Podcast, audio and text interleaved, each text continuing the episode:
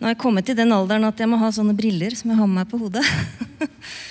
Jeg hadde medarbeidersamtale med eh, ansatte her den uka som var nå.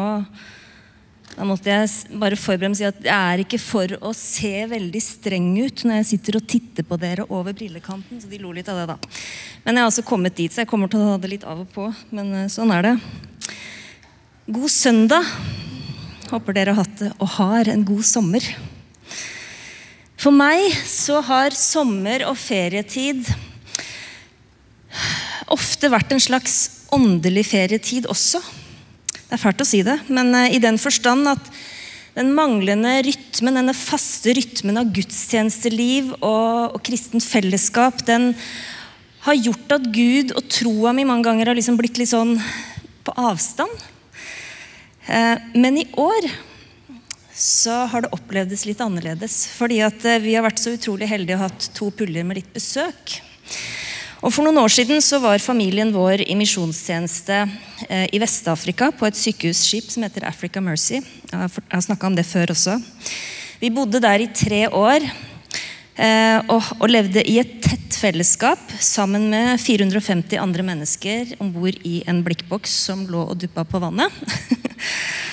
og, ehm, og noen av de som vi fikk besøk eller de som vi fikk besøk av i sommer, det er folk som vi kjenner fra den tida. Det var en familie som vi eh, møtte der på skipet. Og så var det også en, et par uker seinere så kom det på besøk en ung mann som er student, og som var barn om bord da vi var der, og som bodde der sammen med familien sin. Og det har vært en så fin opplevelse å ha besøk av disse. Vi har mimra, og vi har ledd av minner. Men vi har også fått dele tro og liv.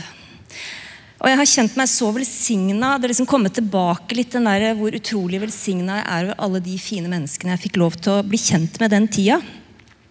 Og det er folk jeg fortsatt kan kjenne et veldig spesielt fellesskap med når vi en veldig, veldig sjelden gang møtes. For det har skjedd opp gjennom disse elleve årene siden vi flytta hjem. For det er noe som binder oss sammen. Og det fikk meg til å tenke på hva det var som var så godt med livet om bord. For det var godt. Eh, og det handla om fokuset på fellesskapet og det å elske Gud og elske mennesker. Vi var ikke opptatt av å diskutere teologiske ståsteder eller politiske temaer. Det var liksom ikke så viktig. Det viktige var hva vi var der for å gjøre, og hvorfor vi var der. Og selv den dag i dag så er det mange av mine nærmeste venner fra den tida som jeg ikke jeg aner ikke hva slags kirketilhørighet de har. Jeg bare vet at de er mine søsken i Jesus. Eh, fordi at det var tjenesten og det vi sto i, som var det viktigste. Og Nå høres det kanskje ut som noe utrolig rosenrødt. og det var det heller ikke. Men det var uenigheter og konflikter. Det var det. Men fokuset var hele tiden på å formidle Guds kjærlighet gjennom aktiv handling. Eh, det å bringe håp og legedom. Eller 'hope and healing to the forgotten poor'. Det skapte enhet. Og det å få kjenne litt på noe av dette samme fellesskapet med vennene våre nå i sommer, det har vært så utrolig fint. Så jeg har lyst til i dag at vi skal se litt på dette med fellesskap, og hvordan vi kan leve godt sammen i et kristen fellesskap. Og jeg tror det er liksom to, to ting som er utrolig viktige i det perspektivet. Og det er at vi har blikket vårt festa på to ting, og det er Guds nåde og enheten i Kristus. Så jeg skal lese teksten som står i Paulus sitt første brev til korinterne, i kapittel 1, vers 1-14. Paulus, som etter Guds vilje er kalt til Kristi Jesu apostel, og vår bror Sostenes hilser Guds menighet i Korint, dere som er helliget i Kristus Jesus, og kalt til å være hellige sammen med alle som hver på sitt sted påkaller vår Herre Jesu Kristi navn, Han som er deres og vår Herre. Nåde være med dere og fred fra Gud, vår Far og Herren Jesus Kristus. Jeg takker alltid min Gud for dere, for den nåde han har gitt dere i Kristus Jesus. I ham er dere blitt rike på alt, på all lære og all kunnskap. Vitnesbyrd om Kristus har da også fått sikkert feste hos dere. Derfor mangler dere ikke noen nådegave mens dere venter på at vår Herre Jesus Kristus skal åpenbare seg. Han skal også grunnfeste dere helt til enden kommer, så dere kan stå uten å bli anklaget på vår Herre Jesu Kristi dag.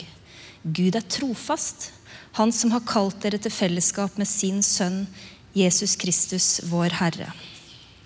Jeg formaner dere søsken ved vår Herre Jesu Kristi navn at dere må være enige. La det ikke være splittelse blant dere, men stå sammen i syn og tanke. For noen av Kloes folk har fortalt meg, søsken, at det er stridigheter blant dere. Jeg sikter til dette at noen av dere sier, 'Jeg holder meg til Paulus', mens andre sier, 'Til Apollos', 'Til Kefas' eller 'til Kristus'.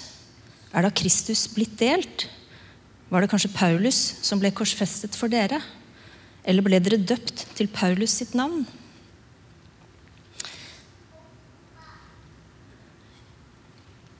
Ja. Paulus skriver her til menigheten i Korint. Og Det var en menighet som Paulus hadde vært hos i halvannet år på sin første misjonsreise. Han hadde brukt ganske mye tid der. Og Det var en menighet som hadde opplevd ganske formidabel vekst på relativt kort tid. Eh, og nå er Paulus, når han skriver det her, på sin andre misjonsreise. Han sitter i byen Efesos, og så har han fått besøk. Og han har fått høre ting som bekymrer han. Han har fått høre at det er splittelse i menigheten i Korint. Så han setter seg ned og skriver et brev. Og det brevet her, det er på mange måter, Hvis man leser gjennom det, så ser man at det er på mange måter liksom der question and answer. Altså eh, mest vanlige spørsmål-type brev. Eh, og han tar opp mange veldig sånn praktiske spørsmål som han svarer på. Eh, spørsmål som handler om hvordan lever vi sammen i et kristent fellesskap midt i en by og en verden som preger oss og påvirker oss. Og Han tar opp spørsmål f.eks.: Hvordan håndterer vi uenighet? Hva gjør vi når vi ser brødre og søstre i Kristus som går i feil retning? Hvordan advarer vi dem? Og hvordan kan vi rettlede uten å være dømmende? Og når en kristen bror begår urett mot deg, da?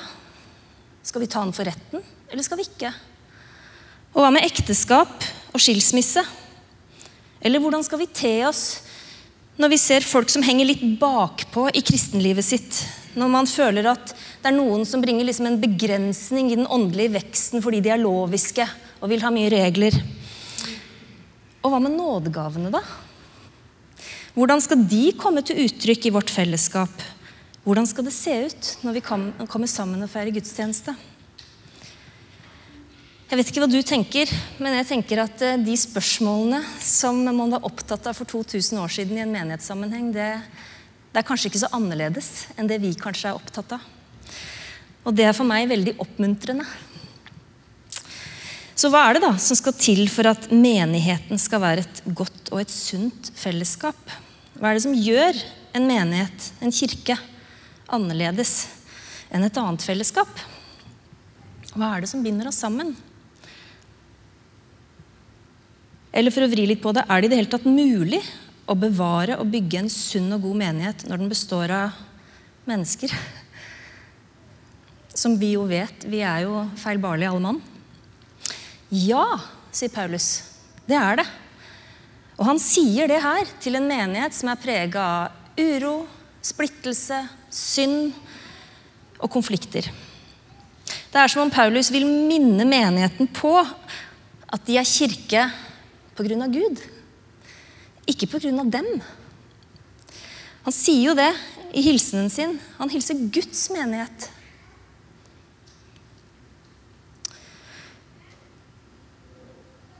Selv om de har en hel haug med utfordringer og helt tydelig ikke fungerer supergodt på alle områder, så er de fortsatt Guds kirke.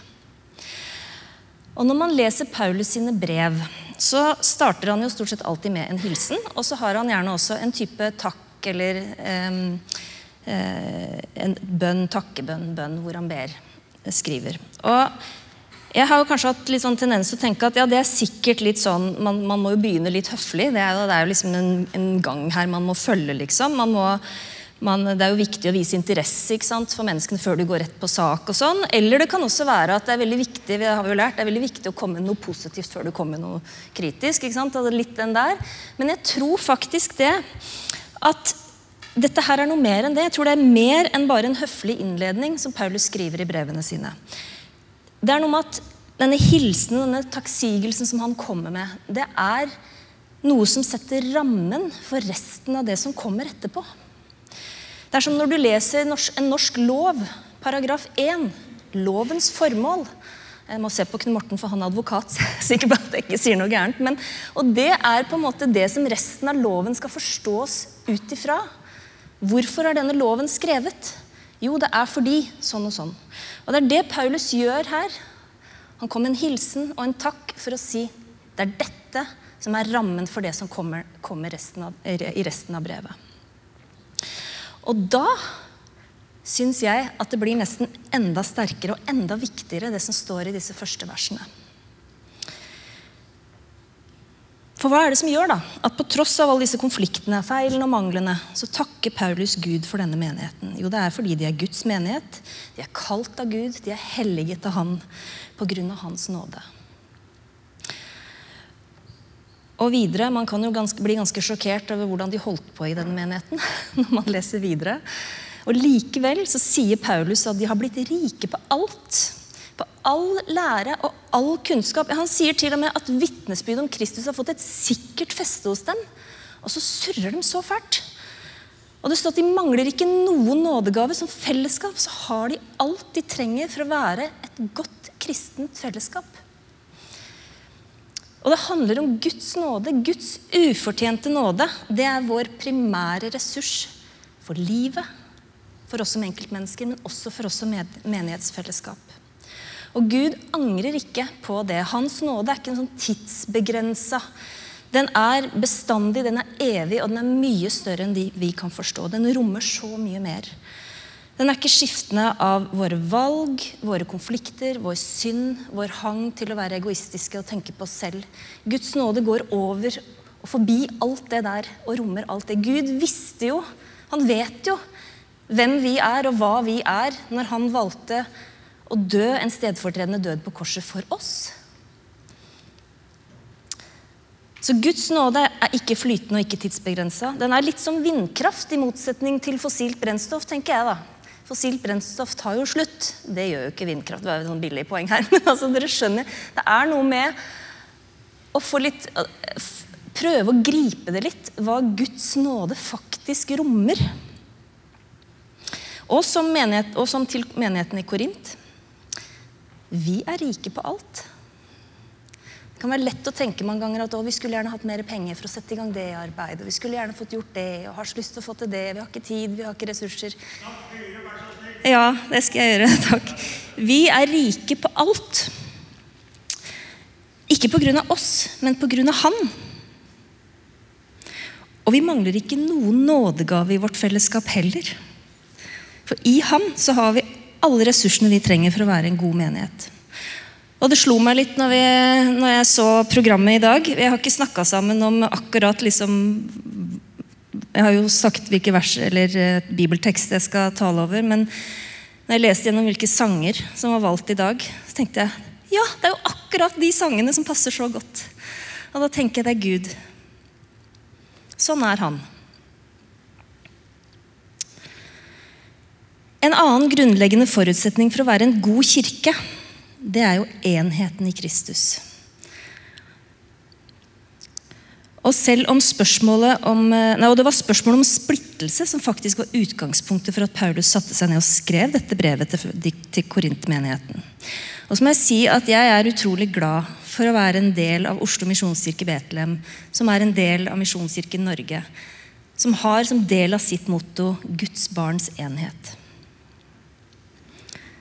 For uten enheten i Kristus så vil vi som kirke bli kan vi fort være som en hvilken som helst annen forening eller klubb. Og det var enheten som gjorde at fellesskapet på skipet som jeg om tidligere, var så fantastisk. Forskjellige teologiske ståsteder eller meninger sto ikke sentralt. Det var fokuset på at vi alle var del av kallet om å være Jesu hender og føtter i denne verden den praktiske måten å vise Guds kjærlighet på. Vel vitende om at vi var helt avhengig av Guds nåde og Guds kraft hver eneste dag.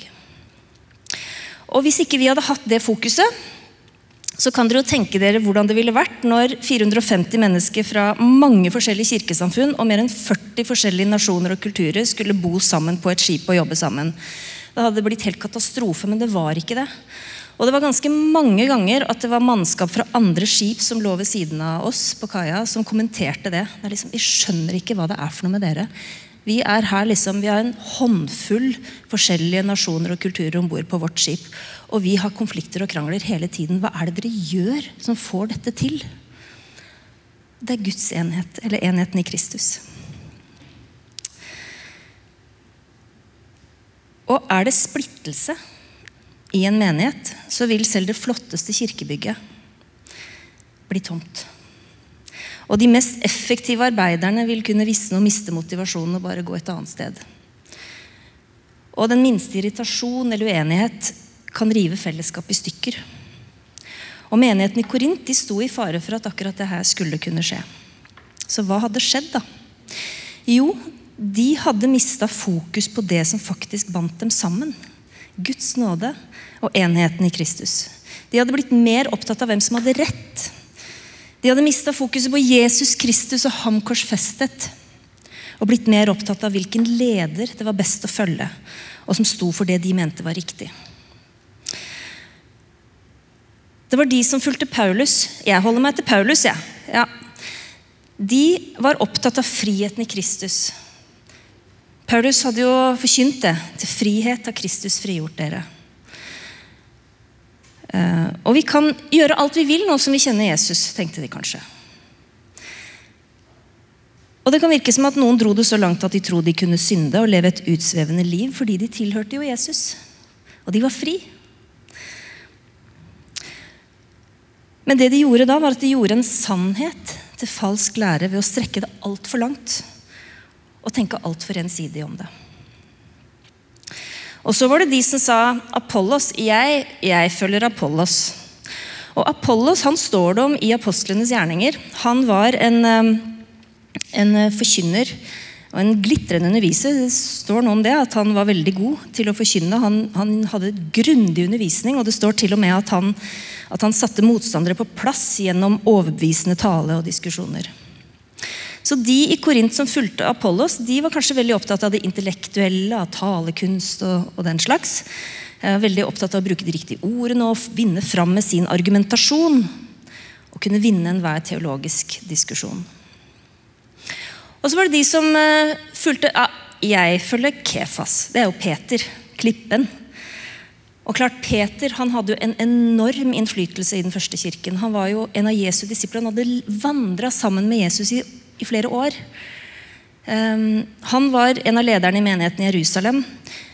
Og den menigheten hadde sine utfordringer med loviskhet. Det var mange jødekristne i den eh, menigheten som, vært, som var prega av det de hadde vokst opp med og lært. Eh, og Det kan kanskje tenkes at den fraksjonen i Korintmenigheten som mente de fulgte Peter, at de også var opptatt av lover og regler, og at vi måtte leve en streng livsførsel for å kunne leve nær Gud. Og så var det de, da. Jeg tenker De, de, hadde liksom, de, de trumfa jo med det beste navnet. Vi følger Kristus. Og, var det, Hvordan var det de tenkte da? Jeg, jeg tror, Vi tror kanskje det at det var disse som var liksom superåndelige. De, eh, de hørte fra Gud. Um, Kanskje åndens gaver fløt fritt. De talte i tunger, sånn som på pinsedagen.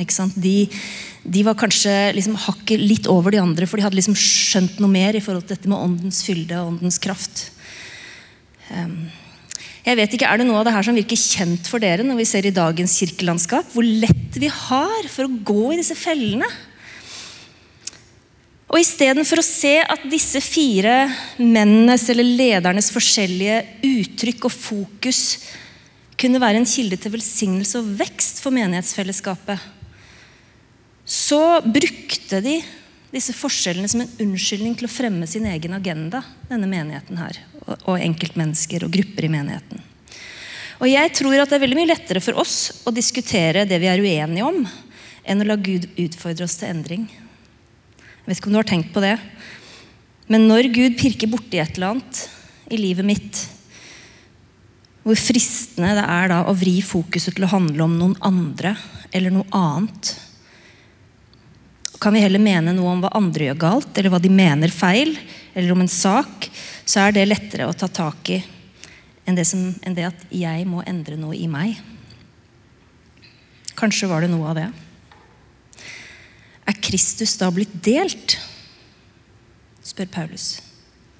Er Kristus blitt delt? Er det der vi har kommet? Sier han til menigheten i Korint. Vår enhet har sitt utgangspunkt i Guds enhet. Akkurat som den tredje Gud er én, så skal vi også være ett. Vi er hans kropp. Vi er en helhet. Og vår enhet har også sitt utgangspunkt i korset. For det er ved korsets fot vi alle står. Ufortjent, helt ufortjent, pga. Guds nåde, så får vi kalles hans barn. Og vi trenger alle hans tilgivelse. Og vi er alle like overfor Gud. Eller som Paulus også skrev i Galaterne, her er ikke jøde eller greker, slave eller fri, her er ikke mann eller kvinne. Dere er alle én i Kristus Jesus. Det er det Paulus så gjerne vil få fram for denne menigheten. og nå må dere Vær gjerne uenige om ting, men ikke la det føre til splittelse i menigheten deres. Vit hva som skal være fokuset deres, hva som er det viktigste. Det er noe viktigere og større som binder oss sammen, som gjør at vi er ett. Og Betyr det da at vi er enige om alt? At vi må være enige om alt? Nei, det gjør ikke det. Men, men vi må også være bevisste på hva som er det viktigste. Er det sånn at eh, den musikkstilen eller den musikkformen som jeg liker best, at det er, den, at, at det er veldig viktig for meg å liksom formidle at uh, dette syns jeg vi må ta tak i? eller mitt teologiske standpunkt, er det det som skal vinne fram framfor andres? Har jeg skjønt noe mer enn alle andre? Kanskje, men kanskje også ikke. Vi ser alle stykkevis og delt. Og forstå meg rett, Jeg sier ikke det at vi skal være tannløse og retningsløse, for det skal vi ikke. For Paulus han er veldig tydelig, også i dette brevet, om dette med vranglære og det å rettlede og snakke til rette de som synder og går i feil retning. Men hvordan gjør vi det? Og hva kan vi tåle av hverandre når perspektivet er Guds nåde og vårt kall til enhet? Så når Paulus sier så tydelig i, begynnelsen av kapittel 2 Jeg vil ikke vite av noe annet hos dere enn Jesus Kristus og ham korsfestet. Altså Han sier nå at jeg vil at det vil, som skal være viktig hos dere, det er fokuset på hvem, hvem er Jesus? Hvorfor kom han? Og hva har han gjort for oss? Og hva slags konsekvenser får det for hvordan vi møter hverandre og hverandres forskjellige tanker om ting. Og, våre, og, hvordan vi håndterer våre uenigheter. Og hvordan vi lever sammen i menighetsfellesskapet. Jeg tror det her er like relevante spørsmål og temaer i dag som det var i Korintmenigheten for 2000 år siden. Jeg skal la de spørsmålene henge der, som en utfordring til oss alle sammen. Og så skal jeg avslutte med å lese Jesu egne ord om viktigheten av enhet. Da skal jeg lese fra Jesu, det som kalles Jesu ypperste prestelige bønn, hvor han ber for alle sine. Og der står det Jeg ber ikke bare for dem, men også for dem som gjennom deres ord kommer til tro på meg. Må de alle være ett, slik du, far, er i meg og jeg i deg. Slik skal også de være i oss, for at verden skal tro at du har sendt meg. Den herligheten du har gitt meg, har jeg gitt dem for at de skal være ett, slik vi er ett. Jeg i dem og du i meg, så de helt og fullt kan være ett. Da skal verden skjønne at du har sendt meg, og at du elsker dem slik du har elsket meg. Amen.